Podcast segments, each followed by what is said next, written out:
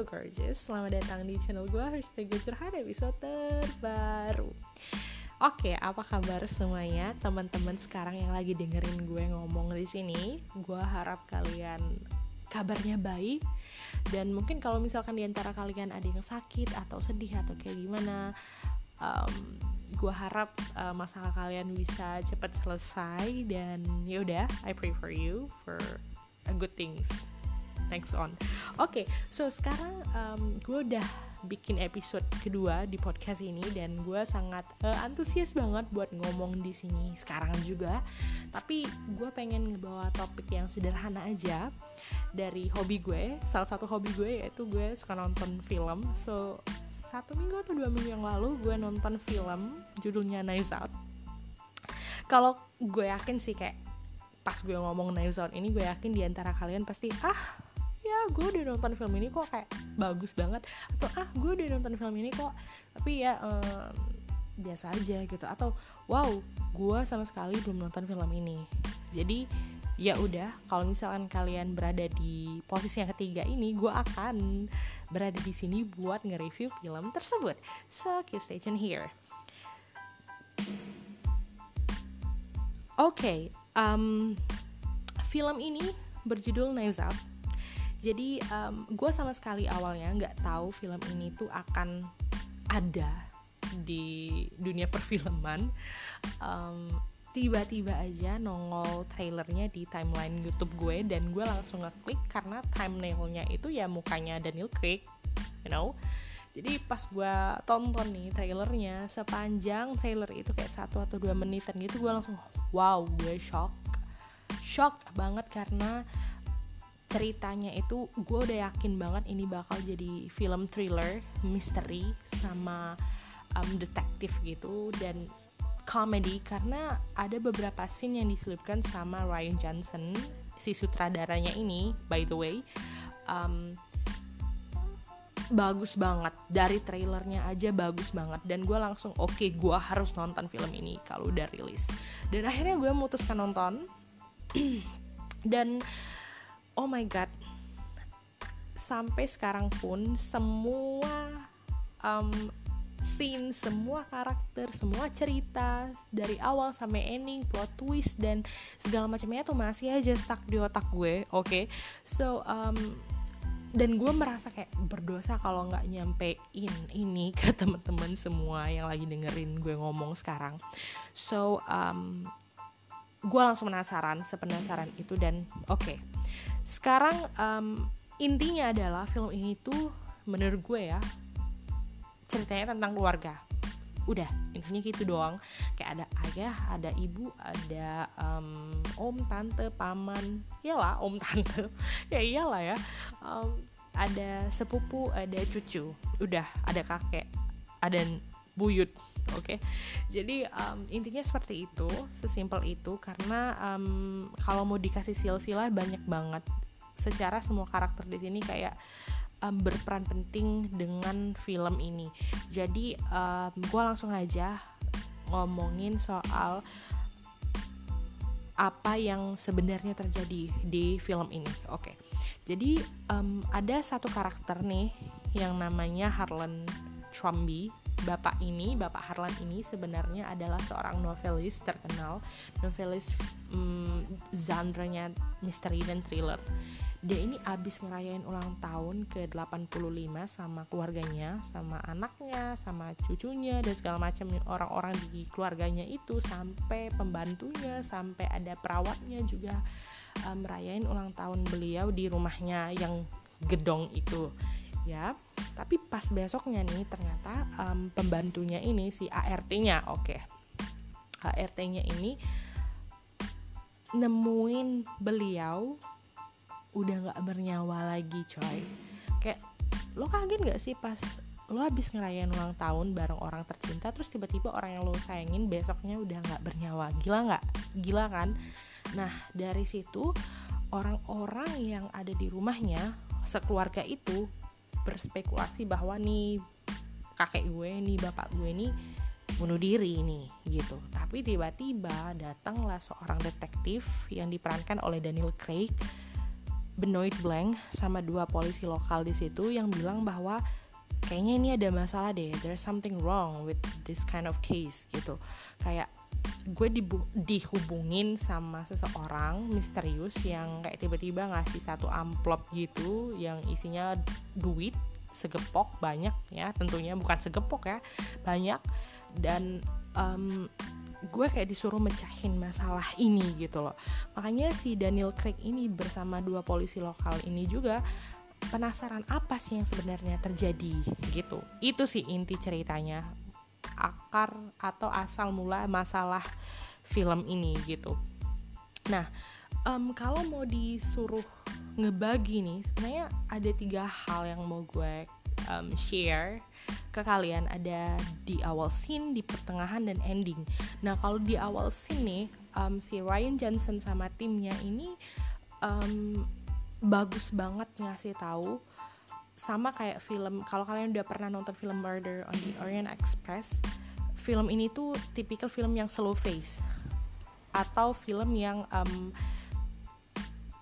punya alur yang lambat. Ya lambat banget. Apalagi kalau misalkan lo mau nonton film detektif. Nah di film-film yang semacam ini tuh kan biasanya kita kayak dikasih pelan-pelan ya clue-clue atau kejadian apa yang terjadi pada jam sekian sekian gitu secara detail ya.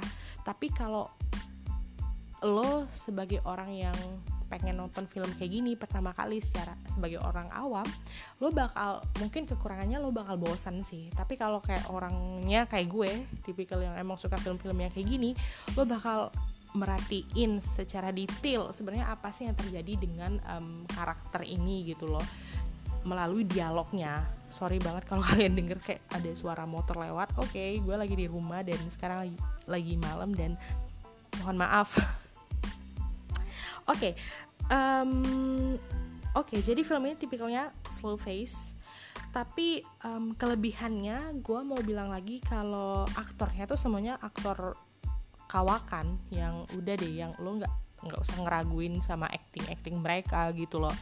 Dan ya udah di awal ditunjukin lah perkenalan tentang siapa sih si Harlan ini sebenarnya terus siapa juga anak-anaknya ini gitu. Apa sih yang dilakuin sama Harlan sama anaknya sama cucunya sama mantunya segala macamnya. Melalui interview dari karakter tersebut dengan si um, Benoit Blanc dan dua polisi lokal itu gitu.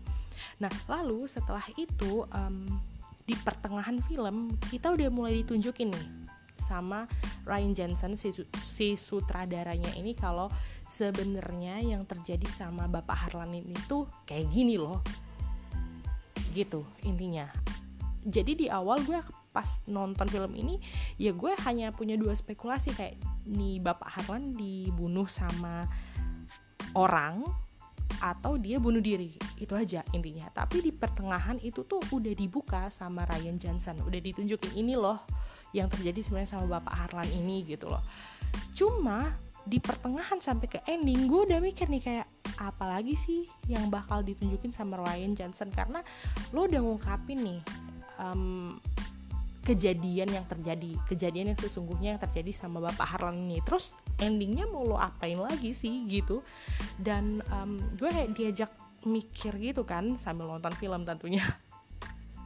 Dan setelah itu tuh mulai dari pertengahan ke ending semuanya tuh terungkap.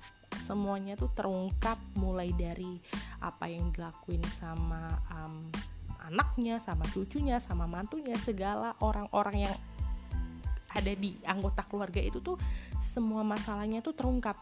Dan nggak semudah itu lo bisa ngungkapin masalah itu gitu loh. Dan si Daniel Craig ini kayak um, ngebawa detektif um, karakternya sebagai detektif itu amat sangat baik. Nggak hanya dia sendirian tapi juga kayak melalui dua polisi lokal tadi. Um, sama satu perawat seorang perawat bukan satu ya seorang perawat Bapak Harlan ini yang diperankan oleh Ana de Armas dia mainin karakternya si Marta dan Marta ini juga punya sebagai cameo ya menurut gue salah satu um, karakter yang menonjol di film ini selain Daniel Craig of course. Dan dia punya andil besar buat ngungkapin sebenarnya ini loh yang terjadi sama keluarga ini. Nggak hanya sama bapak Arlan itu doang tapi seluruh anggota keluarganya. Oke okay, segitu. Dan um, yang paling kerennya itu adalah film ini kan genre-nya itu thriller crime mystery gitu. Tapi nggak meninggalkan unsur komedinya. Dan komedinya itu kayak ngena banget sama apa yang sebenarnya terjadi dengan kehidupan kita sekarang. Contohnya kayak ada satu pemeran itu namanya si Jaden um, Martel dia itu yang main di film It juga. Dia tuh di sini perannya sebagai Jacob jadi cucunya bapak Harlan. Dia tuh sebenarnya cameo di sini.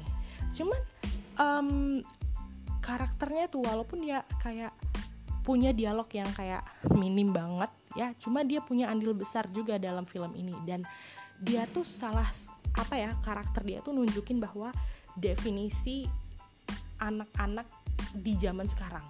Kayak setiap dia nongol di setiap scene itu dia selalu holding his phone. Dia kayak pegang gadgetnya terus ke mana pun sampai dia ke kamar mandi pun pegang handphonenya. Dan itu tuh kayak salah satu contoh bahwa ini loh this is exactly what is really happening nowadays to the kids. Ini yang terjadi pada anak-anak zaman sekarang. Kayak never leave their gadget right? Kayak nggak pernah ninggalin gadget mereka sama sekali.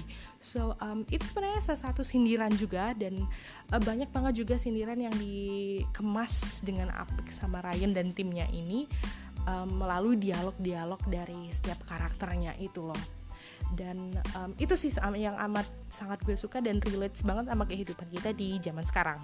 Makanya um, sebelum gue menutup cerita da, um, review gue hari ini malam ini gue akan kasih skor film ini 9,5 dari 10 kenapa? Karena ini tuh definisi kesempurnaan film yang hakiki menurut gue ya. Dan ini adalah film yang ter the best menurut gue yang udah tertap the best lagi ya yang film the best movie in this year.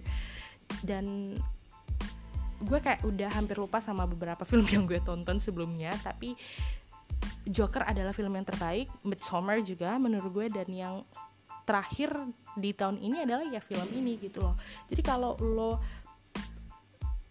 punya kesempatan buat nonton atau um, ya buat nonton film ini of course atau uh, dengerin review-review ya lakuin itu gitu loh. Dengerin review orang tentang film ini atau lo punya kesempatan nonton ya nonton gih gitu. Dan um, gue gak nyesel nonton film ini karena ini sangat amat keren banget menurut gue. Dan um, itu aja.